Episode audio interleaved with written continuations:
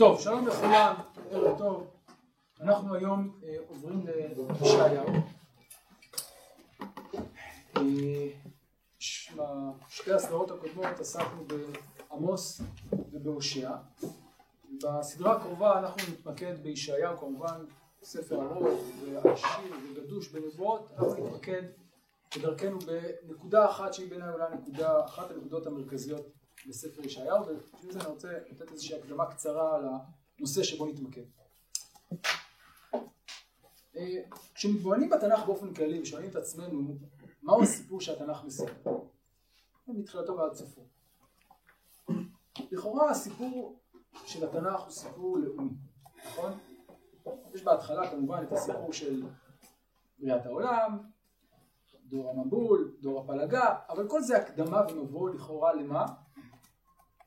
לאברהם. לאברהם. פרקים א' עד י"א זה מבוא אם תרצו לפרק י"ב לעלייתו של אברהם. זו אה, הסתכלות אחת על הסיפור, ובעצם מכאן ואילך אנחנו בעצם אה, עוזבים את המבט הרחב על העולם ומתמקדים באדם אחד, במשפחה אחת ואחרי זה בעם אחד, מכאן ועד סוף התנ"ך אפשר לומר, זה הסיפור. אנחנו מתמקדים בקורותיו, בגורלו, בסיפורו של עם אחד, העם שלנו, כן, עם ישראל. מהבחינה הזאת התנ"ך הוא ספר מאוד uh, לאומי, הוא עוסק בסיפור הלאומי שלנו. אבל האמת היא שזו תמונה מאוד חלקית, או הצגה חלקית של הדברים. מדוע? כי בתנ"ך, מעבר להיבט הלאומי שיש בו, לעיסוק בעם ישראל כעם, יש בו גם עיסוק בשאלות האוניברסליות, בשאלות הגדולות ובהיבט האוניברסלי. ואני חושב שהמתח הזה הוא אחד המתחים הבולטים בתנ"ך, ועליו אנחנו נדבר בשיעורים הקרובים. למעשה המתח הזה קשור בצורה עמוקה אולי לשורש של האמונה הישראלית. אם נחשוב רגע, מה הייחוד של האמונה הישראלית? מצד אחד, בניגוד לתפיסות של עמים אחרים, עובדי אלילים, אנחנו מאמינים שיש אל אחד, בורא עולם, נכון? מה התפיסות, מהם התפיסות האליליות בהקשר הזה? שיש לכל עם אל משלו, לכל כוח יש איזה אל שמייצג אותו, כלומר התפיסה היא שהעולם מבוזר, הכוחות מבוזרים, ובכל כוח יש איזה אה, שליט אחד, ריבון אחד על הכוח, על הטריטוריה, על הכוח, על העם, זה מחולק בין הכוחות השונים, בין האלים המרובים שפועלים. אנחנו מאמינים שיש אל אחד, בורא עולם, בורא שמיים וארץ. כן? עברי אנוכי ואת השם ואל השמיים הנראה שברא את הימים ואת היבשה. כן, כך מציג את עצמו יונה לעובדי אלילים. כן, מה כרטיס הביקור שלי? בשונה מכם, אתם מאמינים, כל אחד קורא איש של אלוהיו, אני מאמין באל אחד, בורא השמיים וארץ וכו'. זה מצד אחד. אבל כאמור, יש גם צד שני, נכון? באותו זמן, באותה שעה, האל המונותאיסטי, האל היחיד בורא עולם, הוא גם אלוהים של עם אחד, כן? אבל הוא ברא את כל העולם. הוא אביהם של כל העמים. אז מה בדיוק קורה פה? המתח הזה בין אלוהים כבורא עולם, אלוהים כאלוהי העולם, כאל אחד, לבין אלוהים כאלוהי ישראל ששוכן איתו בארץ כנען, שהוא כורת איתו ברית ייחודית, שמתגלה רק אליו באמצעות הנביאים, יש כאן פער, יש כאן מתח, והמתח הזה הוא מתח עמוק ויסודי, אה, אפשר לומר, באמונה היהודית. כן. אה, ובתקופות שונות ובהקשרים שונים כמובן מדגישים צדדים שונים של האמונה הזאת, אבל המתח הזה הוא מתח עמוק וקיים. אגב, אפשר לומר שאולי כבר בהתגלות הראשונה לאברהם, אפשר למצוא את השורשים של זה. נחזור רגע לבראשית, פרק י"ב. שם נאמר ככה. לך לך, נכון?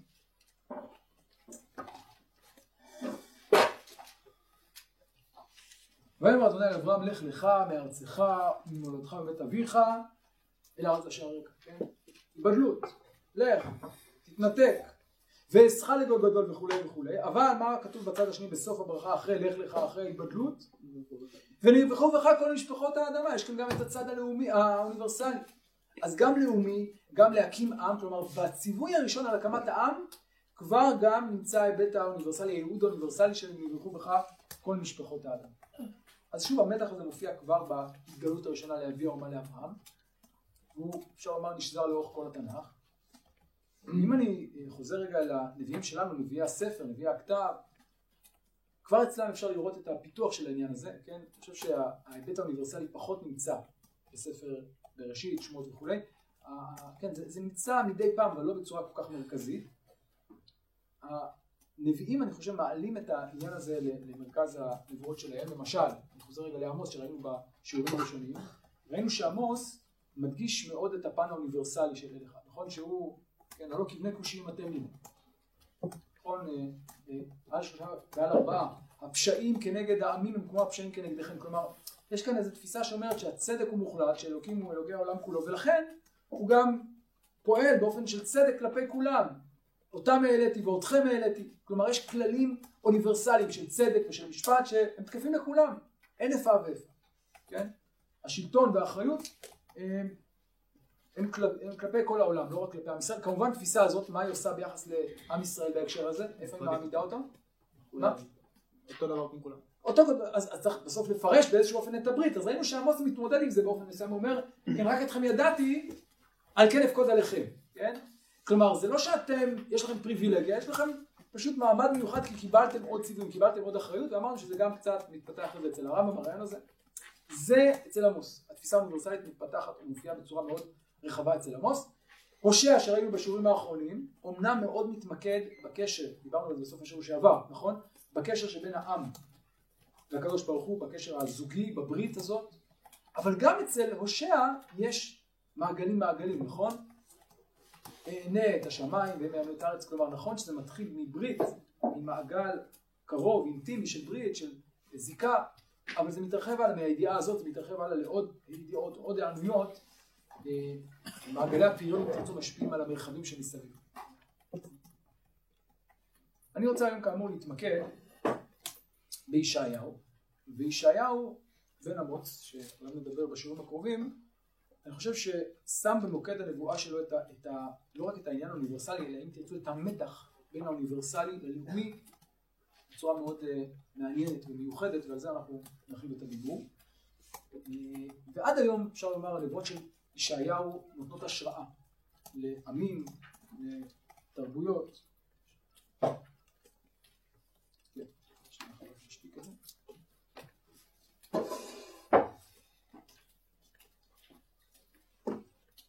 דוגמה קטנה, לא יודע אם עד כמה היא אה, משמעותית, אבל יש דוגמה אה, מפורסמת אולי מ...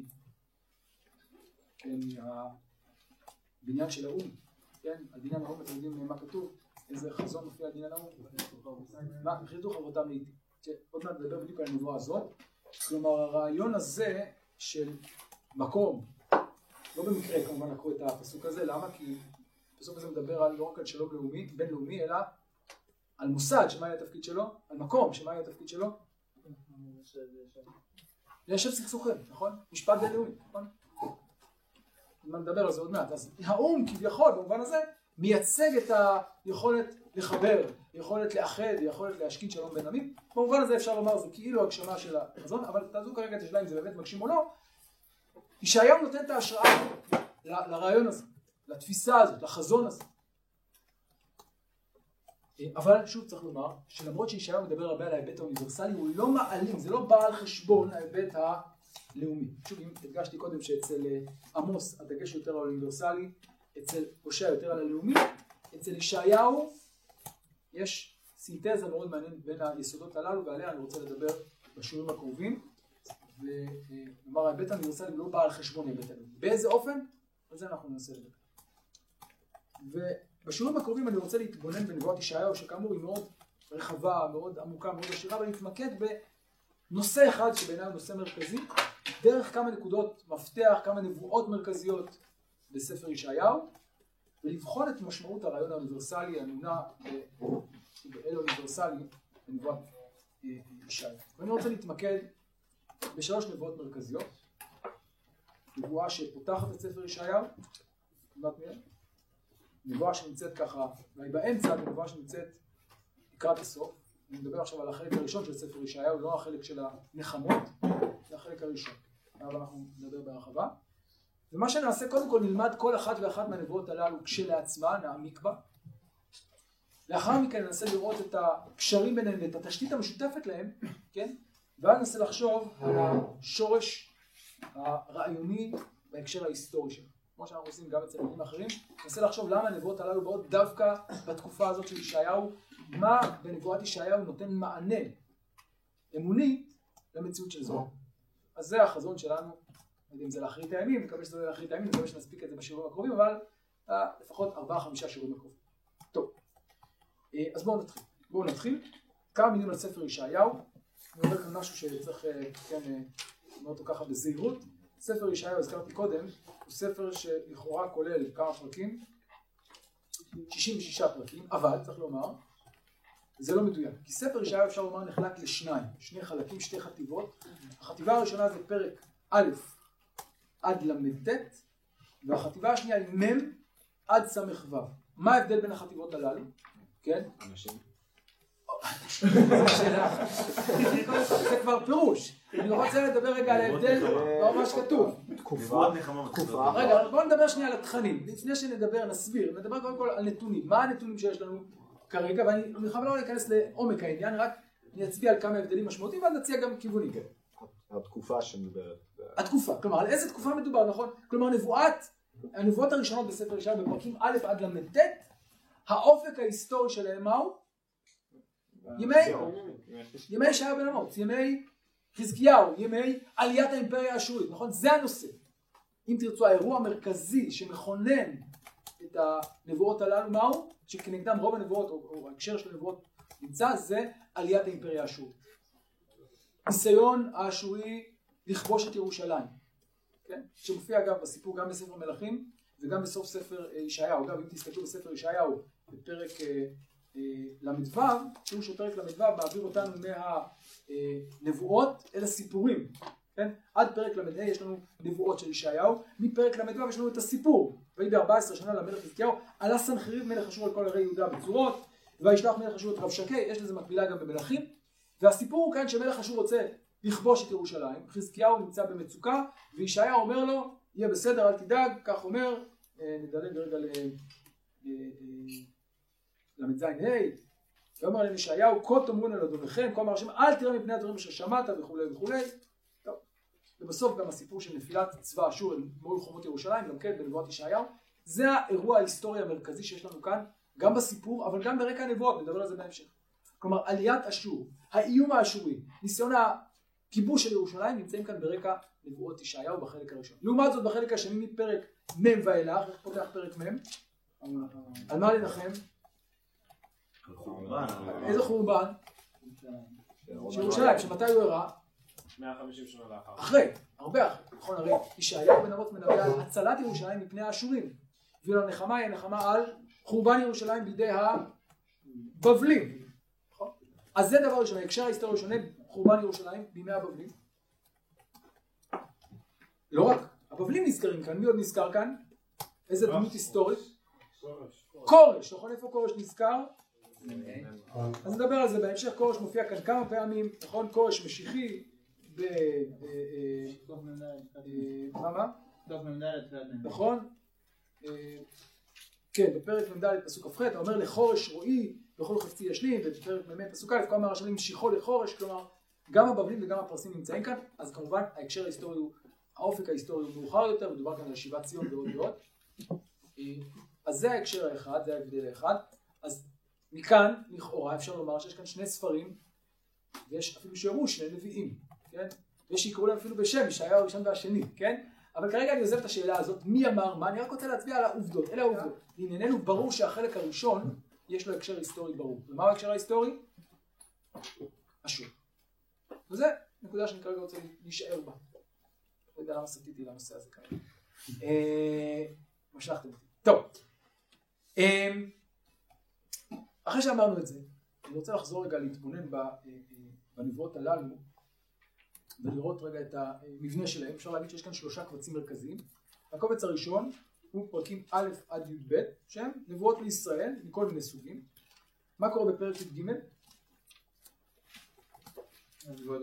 נבואות לגויים, זה מתחיל ממסע בבל, נכון? אחרי זה אה, יש לנו את אה, מואב, מסע מואב, מסע דמשק, נערי כוש, מסע מצרים וכולי וכולי. שנת בוטרתן אשדודה, מסע מדבר ים, מסע בערב, מסע חיזיון, המון המון מסעות, על, מסע צור, פרק כ"ג, המון מסעות על הגויים עד איזה פרק?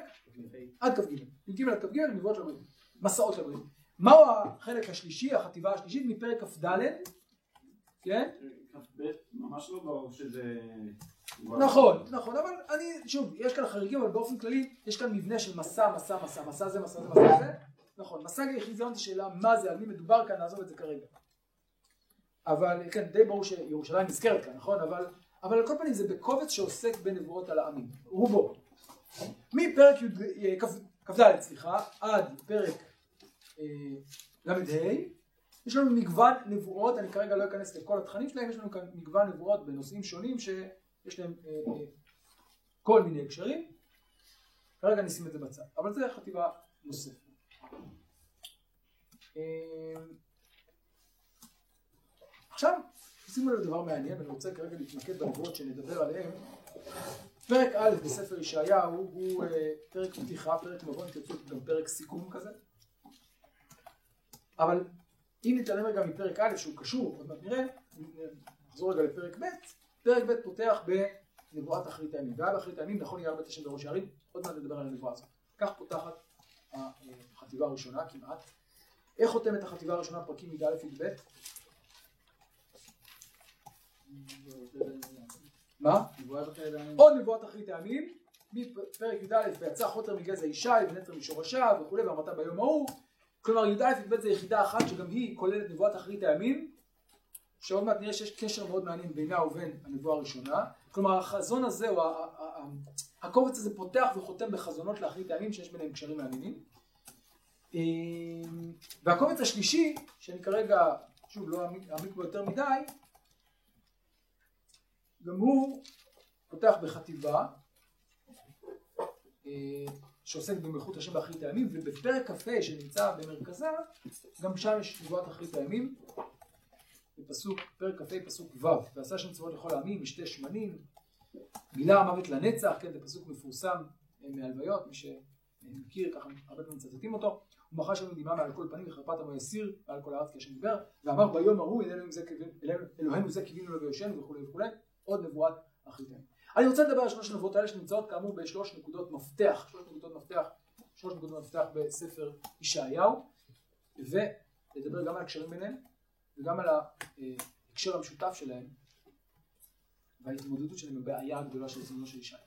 בואו נתחיל, אה, כן, אה, אולי עוד הערה אחת קטנה לפני שנמשיך, דיברנו על זה קצת בשיעור שעבר, אמרנו שנבואות אחרית הימים, כשדיברנו על על הושע, נבואות אחרית הימים של הושע, שנבואות אחרית הימים היא לא רק נחמה, בעתיד יהיה טוב יותר, זה גם, אבל לנבואת אחרית הימים יש תפקיד נוסף. מה התפקיד של נבואת אחרית הימים בין השאר? לשרטט לנו איזה, איזה חזון שהוא תמונת ראי למציאות העגומה. כלומר, לא רק יהיה טוב, אלא לאן צריך לחתור, ולאור זה גם מה הבעיה שיש לנו עכשיו. כלומר, זה בא לשקף לנו את הבעיה. כן.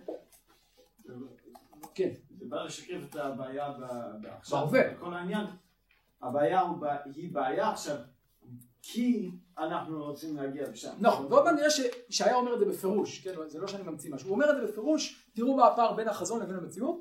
זהו, עכשיו... אה, אפשר גם לראות את זה כן. בעמוס, עמוס אומר, אוי מתאבים את יום השם, למה זה לכם יום השם? הוא חושך ולא אור, דיברנו על זה בהתחלה. ולכן מה? הוא אומר, אה, על העתיד שאני מציג הוא כל כך רחוק מהמציאות שלכם כיום. אבל זה, אתם לא מבינים גם מהי נבואת אחרית הימים, כן. אתם לא מפרשים נכון את אחרית הימים, זה נכון. טוב, נקודה אחרונה לפני שניכנס לנבואה הזאת, אני חושב שבנבואות האלה אפשר לזהות שלושה מתחים יסודיים ועליהם אנחנו ננסה לדבר. המתח האחד הוא המתח הפוליטי, בין עניין לאומי, תפיסה לאומית, לבין תפיסה אוניברסלית, זה מה שהזכרתי בתחילת השיעור. המתח השני הוא מתח דתי, בין תפיסה אלילית לבין תפיסה יהודית מונותאיסטית, ישראלית מונותאיסטית. ובסופו של דבר המתח השלישי הוא מתח מוסרי. והמתח המוסרי נמצא ממוקד במתח שבין גאווה, שחצנות כערך שלילי, לבין ענווה כערך חיובי. המתח הזה בין גאווה לענווה נמצא במרכז נבואות ישעיהו. דיברנו על זה שאצל כל אבי יש איזה דגש אחר, נכון? ראינו אצל הושע את העניין של הנאמנות וה, והבוגדנות כ, כ, כציר מרכזי. אצל ישעיהו הציר המרכזי זה הגאווה מול הענווה בכל מיני הקשרים. וכל זה כמובן במסגרת של המתח בין ההווה העגום, הקשה, לבין המציאות המתוקנת לעתיד. עד כאן המסגרת שאני מציב לשיעורים שלנו, והנה עכשיו ניכנס אל הנבואה הראשונה, נבואת אחרית הימים בפרק ב'. בואו נפתח את פרק ב', אחרי זה גם נראה טיפה את ההקשר שלו. אחת הנבואות אולי יותר מפורסמות ומוכרות בספר ישעיהו, בואו נקרא אותה.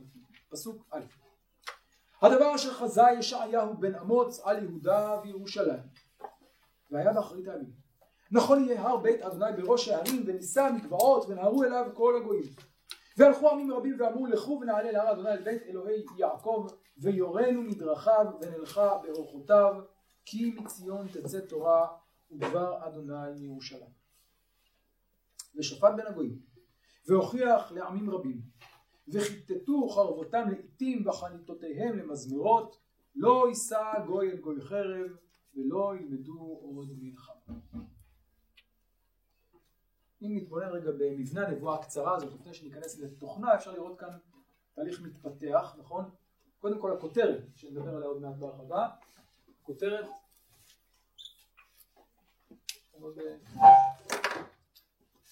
הרב מתייחס רק אליה כנבואה, ההמשך לא קשור לזה? ההמשך קשור אבל לא חלק מהנבואה, כלומר זה פיתוח או, או, או המשך של הנבואה, אבל זה לא המשך, אלא תגובה לנבואה, אבל זה לא הנבואה של אחרית הימים, כן, זה, זה עובר להווה, עובר לעתיד ההווה. אז אין לנו כאן איזשהו טוש מקום שיודע? תודה. אז הכותרת היה באחרית הימים זה הפתיחה לנבואה כולה, עוד מעט נדבר עליו. איך נחלק את הנבואה עצמה, מהם השלבים שיש לנו כאן בנבואה.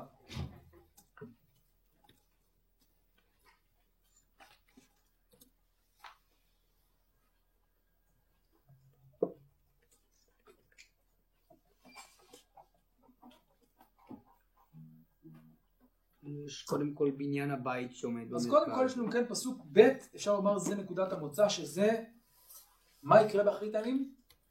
שינוי של מה? נקרא לזה שינוי טופוגרפי, נכון? מה יהיה אחרית הימים? מה יהיה השינוי? ירושלים תהיה במרכז. הר בית השם בראש הערים. לא במרכז אלא תהיה גבוהה. גובה. תודה. נכון? אז אפשר לומר שאחרי הכותרת באחרית הימים רבה. האדום.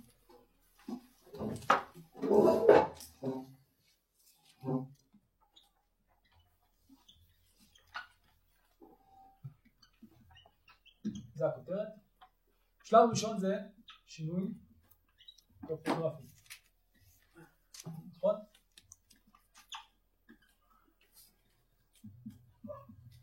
אוקיי, שלב שני מהו? זה אפשר לומר הרקע, נקודת המוצא. מהו עכשיו, כן, אחרי התמונה הזאת של השינוי, מה קורה? יש לנו כמה שלבים. אז שלב ראשון, או התהליך הראשון הוא ונהרו אליו כל הגויים, נכון? אה, ומה קורה? והלכו עמים רבים, נכון? ואמרו, לכו ונעלה אל הר השם לבית אלוהי יעקב ונורא ברכה. אז מה קורה בפסוק ג'? מה משתנה בפסוק ג'? עוברים מההר אל, נכון? הליכת העמים.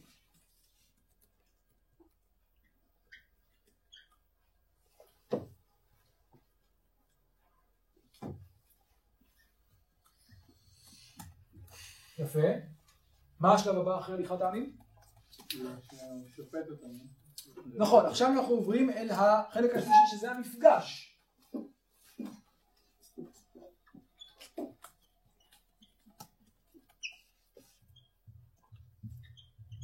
נכון? כלומר, לא רק הליכה, לשם ההליכה מה קורה שם למעלה, מפגש בין העמים ובין הקדוש ברוך הוא, בין, כן, אה, ושפט בין גויים והוכיח אל עמים רבים, ו... מהו הסיום של הנבואה?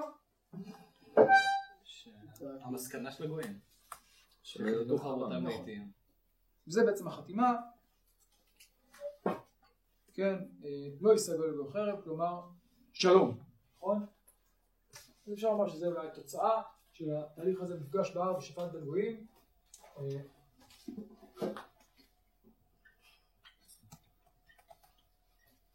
נכון, זה החתימה. זה התוצאה ולא ילמדו מלחמה, כלומר ציון, אפשר לומר, הסכסוכים המזוינים בין אה, עמים. אוקיי.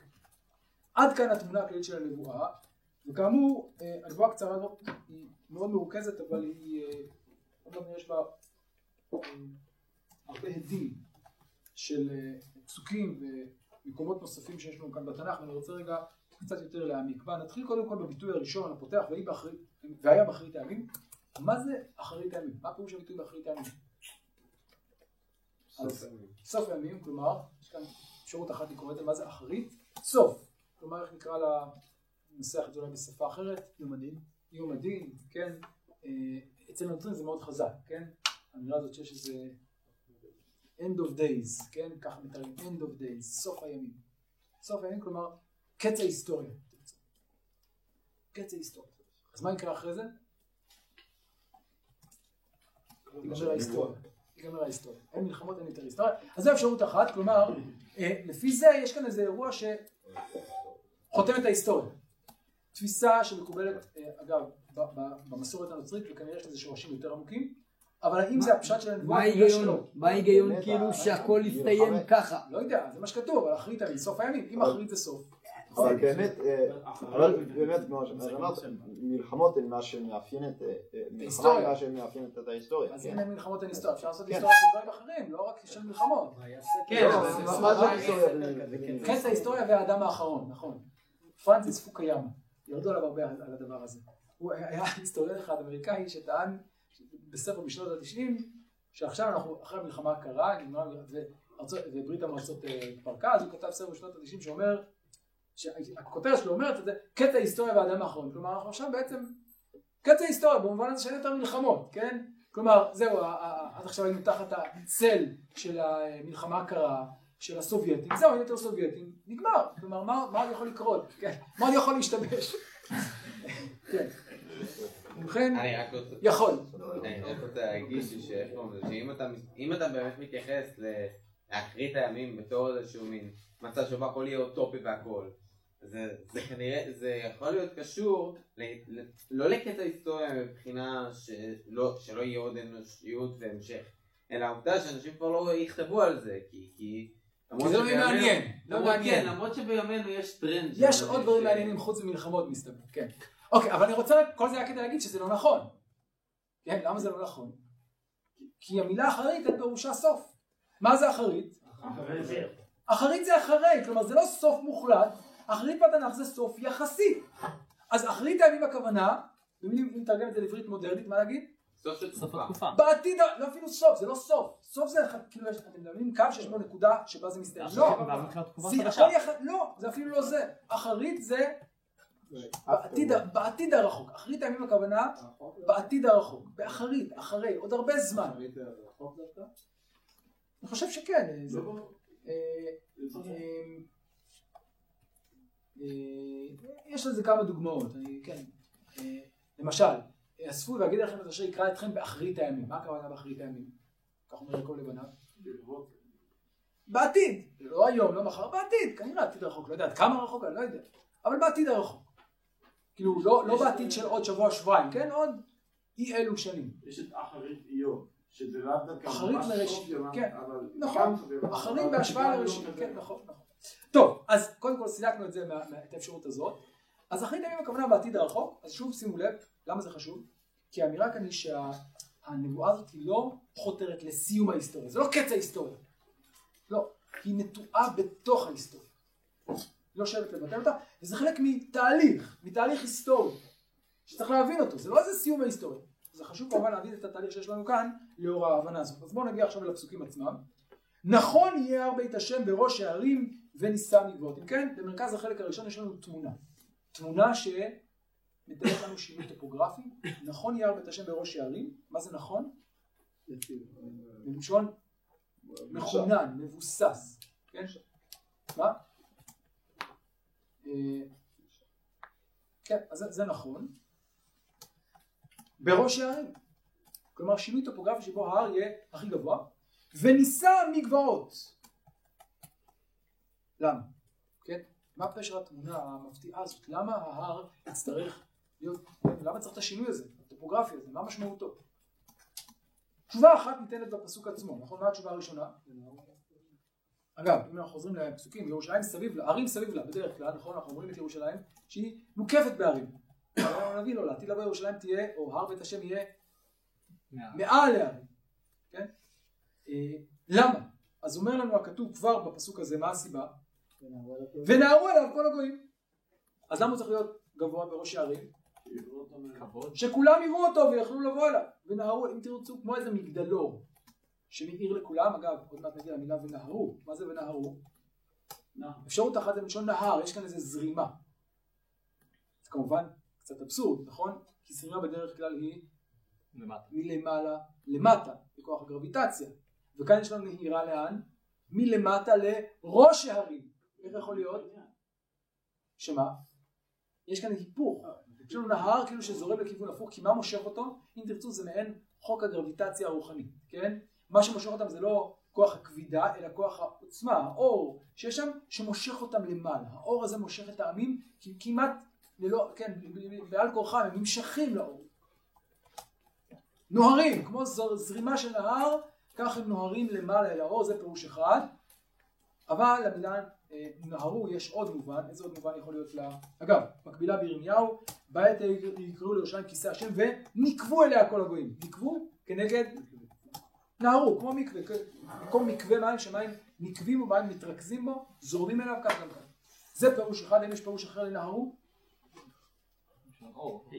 אור, כמו בארמית, נהורה, נהורה זה אור בארמית, אבל האמת היא שגם בתנ"ך אפשר למצוא את השורש הזה, למשל, הביטו אליו ונהרו, ופניהם, מה זה הביטו אליו ונהרו? גם. פניהם, את השאלה. עירי, לא. נהר שם זה כנראה מלשון מביטים ונוהרים. בכל אופן, כנראה הכוונה כאן לאור, ואז לפי הפירוש הזה צריך לומר, שוב אני חוזר למה שאמרתי קודם, שהנהרה, ה- הזרימה, קשורה לזה שיש כאן איזה אור, אור שמושך אותם. הם נמשכים אל מקור האור. אז לפי זה, שוב אני אומר, התמונה כאן היא תמונה של מגדלור. שכדרכו של מגדלור הוא נמצא במקום גבוה, הוא מאיר למרחוק ואז כל העמים רואים אותו וכולם זורמים אליו, כולם נוהרים אליו. עוד מעט נראה שיש אולי מובן נוסף לגובה הזה, אבל בינתיים נשאיר את זה כך. הרב מבין שזה כן. שינוי טופוגרפי שבאמת יקרה במציאות או איזשהו... כך זה? נראה, אם זה משל, אני לא יודע, כך לפחות זה מתואר כאן כדבר שקורה. אפשר לקרוא לזה גם כמשל, אבל זה בא לבטא רעיון בכל אופן, ועוד מעט נדבר שהגובה אצל אה, ישעיהו הוא לא סתם עניין שולי, יש בו משמעות ארוכה יותר, אבל אני מקווה שנספיק להגיע לזה היום. אוקיי, הלאה, שלב הבא. בפסוק הבא, פסוק ג', אנחנו עוברים מההר אל, אל, ה- איפה אנחנו עוברים? אל העמים. והלכו עמים רבים, ואמרו, אנחנו עכשיו מקשיבים, אנחנו נמצאים איתם, נכון הם נוהרים, עד עכשיו היינו בהר, עכשיו בואו נקשיב לעמים שנמצאים שם בסביבה ונוהרים, והלכו עמים רבים ואמרו, לכו ונעלה, ציטוט, לכו ונעלה אל השם בית אלוהי יעקב, ויורנו מדרכה ונלכה באורחותיו, כי מציון תצא תורה ודבר השם. אגב, עד איפה הציטוט? עד איפה? לא, כן כן לא, זה נכון. כל הנבואה הזאת יש לה מקבילה בספר מיכה, עם הבדלים קלים וכרגע לא ניגע בזה, אבל אני שואל לגבי הציטוט של הגויים עצמם. מה המילים של הגויים? אפשר להבין עד... לכו ונעלה עד איפה? או מירושלים או או או באורחותיו. באורחותיו, ואז לפי זה כי מציון מה זה? זה המשך הנבואה. זה הסבר. למה הם למה אומרים? הם אומרים את המשפט, לכו ונעלה אל הר השם, ונלכה באורחותיו נקודה, סגור, סוגריים היא או אומרת סגור ציטוט. שנלך לשם כדי שיורה כדי שיורה לה. לא, אז אני אומר, זה מה שהם אומרים, והכתוב מסביר לנו למה הם אומרים את זה. יכול להיות, אני אומר, אפשר לקרוא את זה כמשהו שהם אומרים, אפשר לקרוא את זה כברור שעד מאורחותיו הם אומרים. כי הם אומרים, נלכה באורחותיו.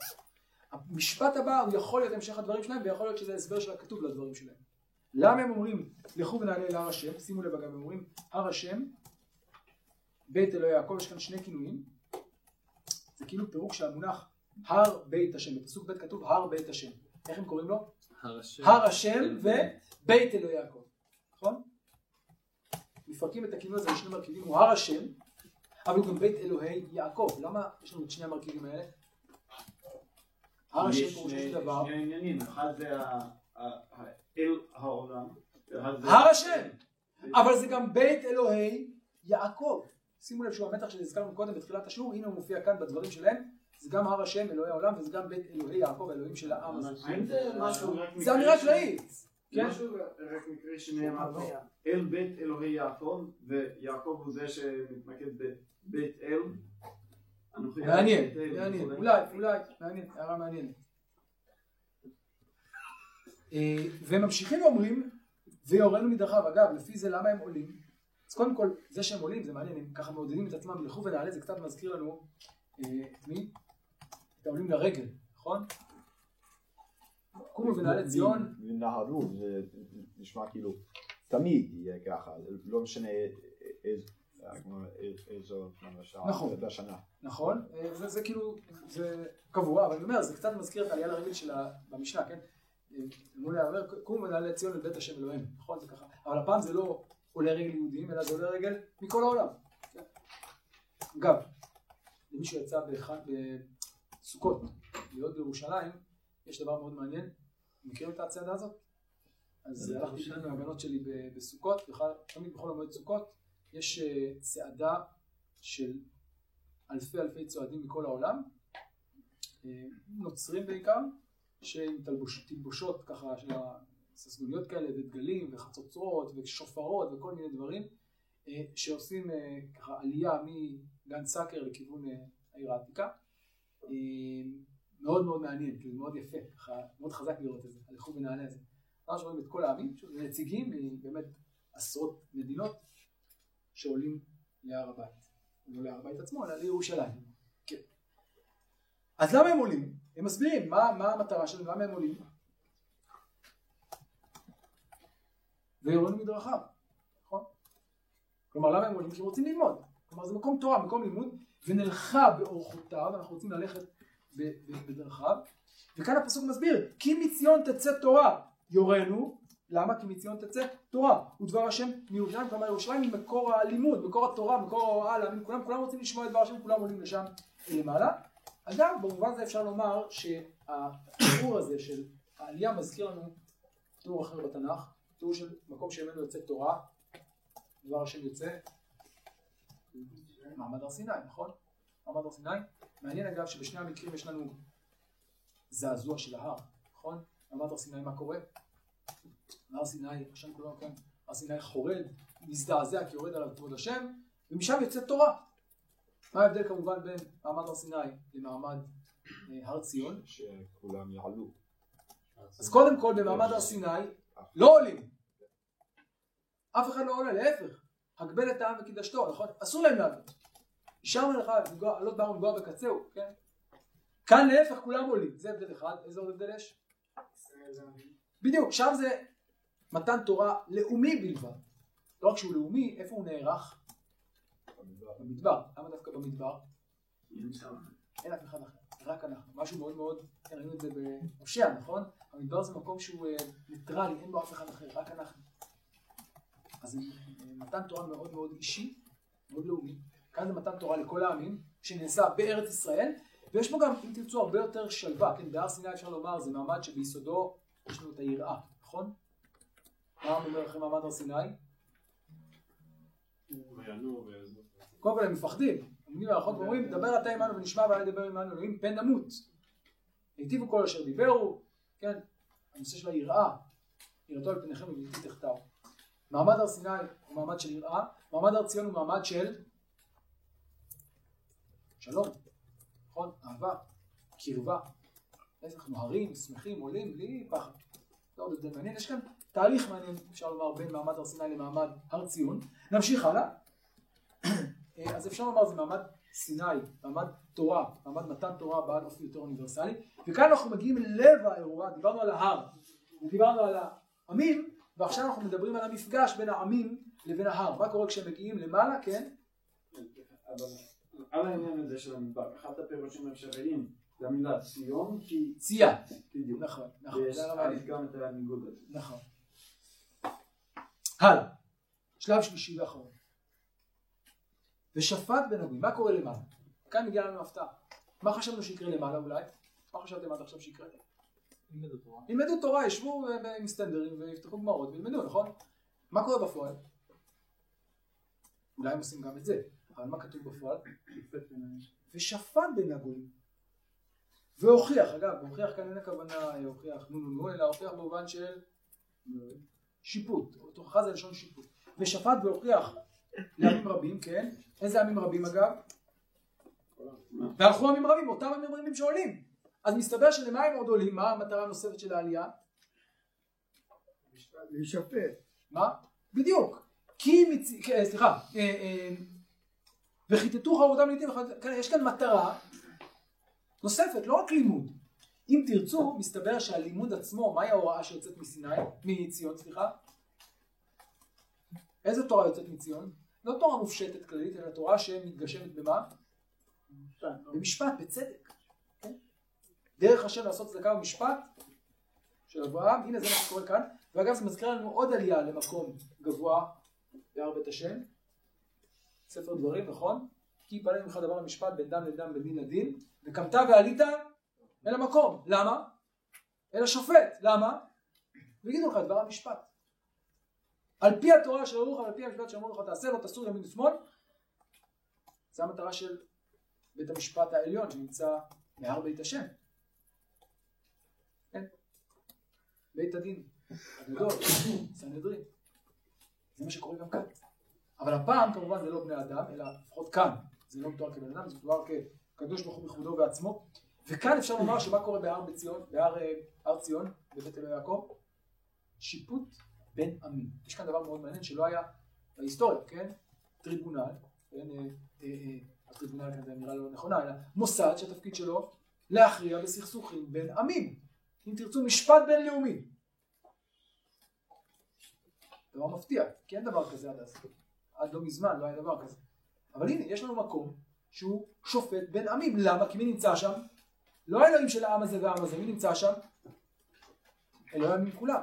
אז הוא היחיד שיכול להכריע ולשפוט בין העמים כולם.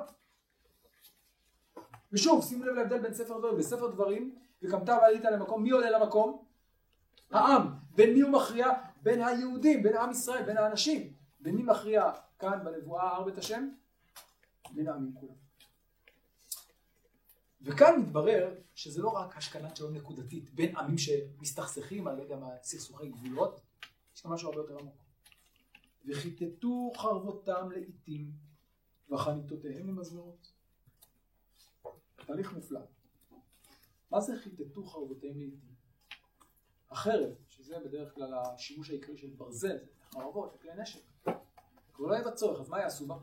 כלומר, זה לא סתם לבטל אירוע קונקרטי של אה, סכסוך, אלא זה יבטל את הצורך בכלל בסכסוכים אה, מלחמתיים. אז מה יעשו עם כל האנרגיה הזאת של המלחמה? יש לה טכנולוגיה מלחמתית. יש כאן התמרה.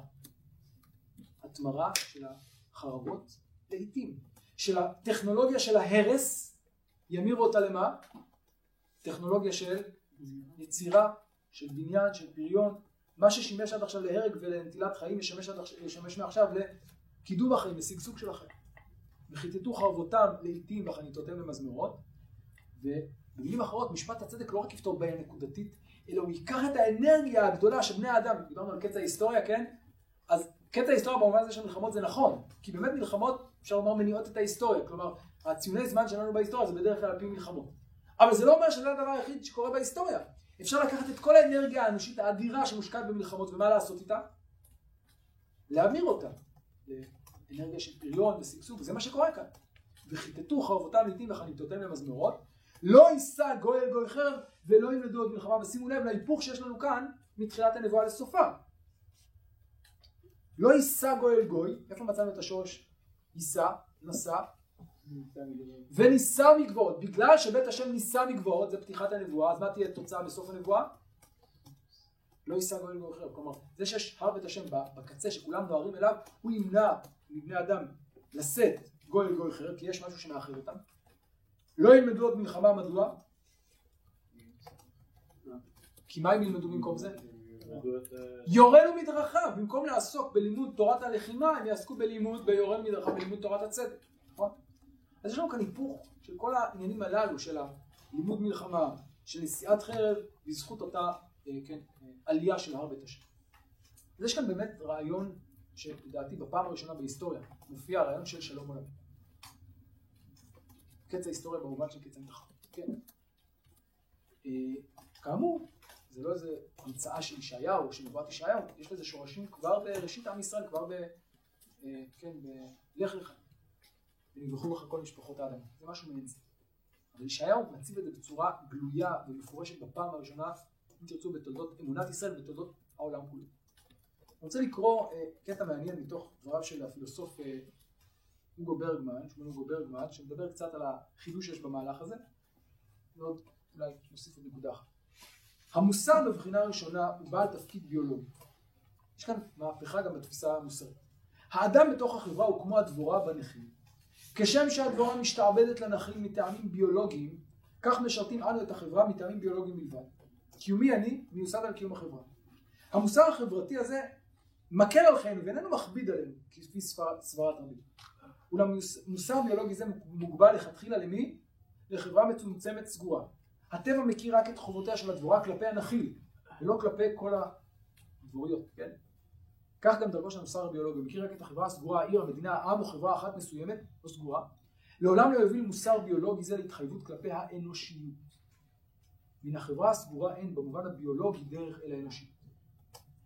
נמצאו בני אדם יחידים בודדים שהעזו לעבור את התחום ולקפוץ את הקפיצה הנועזה לתוך הבלתי ידוע ואת הדרך, וכך הוא אומר, פה, מן ה... כן, זה, זה פירוש שהוא נותן לרעיונות של הפילוסוף הנרי ברגסון, הנרי ברגסון, את הדרך מן החברה הסגורה המוסר השלט שלה לחברה הפתוחה והמוסר המקיף את האנושיות כולה, המוסר המוחלט, הראו למין האנושי נביאי ישראל. הם הבוגדים הגדולים בייעוד הטבע במוסר הנחיל. כלומר, יש כאן לא רק הרחבה, אני מסתכל על מה שהוא אומר כאן, זה לא רק הרחבה כמותית, לא רק מוסר בין אנשים בעם, אלא גם מוסר בין חברות, בין עמים. זו קפיצה איכותית מהותית בין שני סוגים של מוסר, בין מוסר שבסוף הוא משרת אותי במובן החברתי, לבין מוסר שהוא מבוסס על צדק מוחלט, באשר הוא, גם אם לא מועיל לאינטרס שלי. נקודה אחרונה, ובזה נסיים את הדיון בנבואה הזאת, שימו לב להקשר שלה. בנבואה הזאת יש הקשר. מה מופיע לפני הנבואה שלנו? תיאור של ירושלים במצבה עגום, פסוק כ"א. איכה הייתה לזונה קריה נאמנה. מלאתי משפט צדק ילין בה ועתה מרצחים וכולי וכולי. ומצד שני מה היה התיקון? אני מדלג קדימה פסוק כ"ו. ואשיב השופטייך כבראשונה ויועצייך כבתחילה. אחרי כן יקרא לך עיר הצדק קריה נאמנה. כלומר, איך נמצאת ירושלים עכשיו? מהו מצבה כרגע? עגום מאוד מבחינה מוסרית. לעתיד לבוא היא תהפוך להיות עיר הצדק קריה נאמנה ואז מה יהיה בשלב הבא? לא רק- נכון. בדיוק, ואז נכון יהיה עוד. קודם כל היא צריכה אבל לתקן את עצמה. אז זה ההווה מול העתיד. ושוב, פסוק ה', בית יעקב, אחרי הנבואה שלנו, אז התחלנו מההווה, עברנו לעתיד ושוב חוזרים להווה בפסוק ה'. בית יעקב אומר הנביא, לכו ונלכה באור השם. מתי נלכה? עכשיו. כמו מי עוד הולך באור השם? העמים, העמים ילכו לעתיד לבוא ונהרו. אנחנו נלך עכשיו באור השם. העמים עדיין יש להם זמן. בואו נתחיל אבל קודם כל מי? לפחות? לפחות אנחנו. אבל זה לא מה שקורה. כי נטשת עמך בית יעקב, כי מלאו מקדם ועוללים כפלישתים וילדי אנוכי יספיקו, ותמלא ארצו כסף וזהב, ואין קצה לאוצרותיו, ותמלא ארצו אלילים, אין קצה למרכבותיו, ותמלא ארצו אלילים, למעשה אדם ישתחוו לאשר- עשו את דעותיו, וכאן אני רוצה לגעת בנקודה, בזה נסיים, נקודה מאוד מיוחדת ומפתיעה בנבואת ישעיהו, מהו החטא האלילי בנבואת ישעיהו? אצל הושע ראינו, מה השורש של החטא לפי הושע בעבודת אלילים? בגידה. בגידה. לא רק בגידה, בגידה זה המהות של עבודת אלילים, תפיסה תועלתנית, לא נאמנת, נכון? שמבוססת על ניצול הדדי. זה אלילות. מה אומר ישעיהו? איך ישעיהו מפרש את חטא האלילות? אז קודם כל, שימו לב, גאווה אנושית. למעשה ידע, אתה משתחווה לפסל, למה אתה בעצם משתחווה? לטכנולוגיה שיצרת. למי אתה בעצם משתחווה? לעצמך, לכוחך. ותמלא ארצו כסף וזהב. אגב, זה קצת מזכיר לנו את פרשת המלך, נכון? לא הרבה לא. כסף וזהב, הרבה לא סוסים. אבל הפעם לא מדובר על אדם מסוים, אלא על מי? על החברה. החברה כולה מלאת שיכרון כוח והעוצמה שלה. היצירה הטכנולוגית, העוצמה הטכנולוגית, העוצמה הצבאית. אז זה חטא עבודה זרה בעיני ישעיהו, סגידה של האדם מכוחו לעוצמה. מהו התיקון? ובזה נסיים. ביום ההוא, אומר הנביא, וישח אדם וישפל איש. בוא בצור ויטמן בעפר מפני פחד אדוני מהדר גאונו, עיני גבות אדם שפל ושח רום אנשים, ונשגב אדוני לבדו ביום. מה יקרה לעתיד לבוא? האדם יושפל עד עפר, מה הפירוש יושפל? הגאווה שלו תושפל, וכנגד זה מה יורם למעלה? ונשגב השם לבדו. עכשיו, נחזור לתחילת הנבואה. ההוא נכון ירם את השם בראש הערים, למה? לא רק כדי שנראה אותו. מה מייצג השינוי הטופוגרפי בעיני ישעיהו, בנבואת ישעיהו? המצב הטופוגרפי מייצג את התודעה.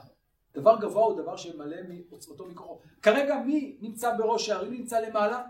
האדם בעוצמתו, בכוחו, במגדלים שהוא בונה. יום להשם צבאות על כל גאה ועם, על כל ארזי הלבנון, על כל עוני היבשם, על כל הערים הרמים ועל גבעות הניסות, על כל מגדל גבוה, חומה בצורה. אדם שם למעלה במקום הגבוה את העוצמה הצבאית והטכנולוגית שלו. מה האלטרנטיבה לזה? הכל יישח, הכל ישפל, ובאחרית הימים מה יהיה? מה שיהיה גבוה זה מה שבאמת צריך להיות גבוה. מה שמייצג את העוצמה האמיתית זה לא העוצמה הצבאית והטכנולוגית של האדם, אלא הר בית השם שיהיה בראש הערים, וכל העמים כולם יכירו בכפיפות שלהם ויעלו אליו בהכנעה ומתוך קבלה, ולא מתוך רצון לעוצמה. כן? אז כאן אפשר לראות שהנבואה משתלבת בכל המהלך הכללי, גם בחטא וגם בעונש וגם בתיקון, בנבואת ישעיה. עד כאן הנבואה הראשונה. בעזרת השם נראה בשיעורים הבאים את הנבואה השנייה והשלישית, ונראה איך מתקשרים למהלך רחב יותר שנבואת ישעיהו מובילה אליו. ערב טוב.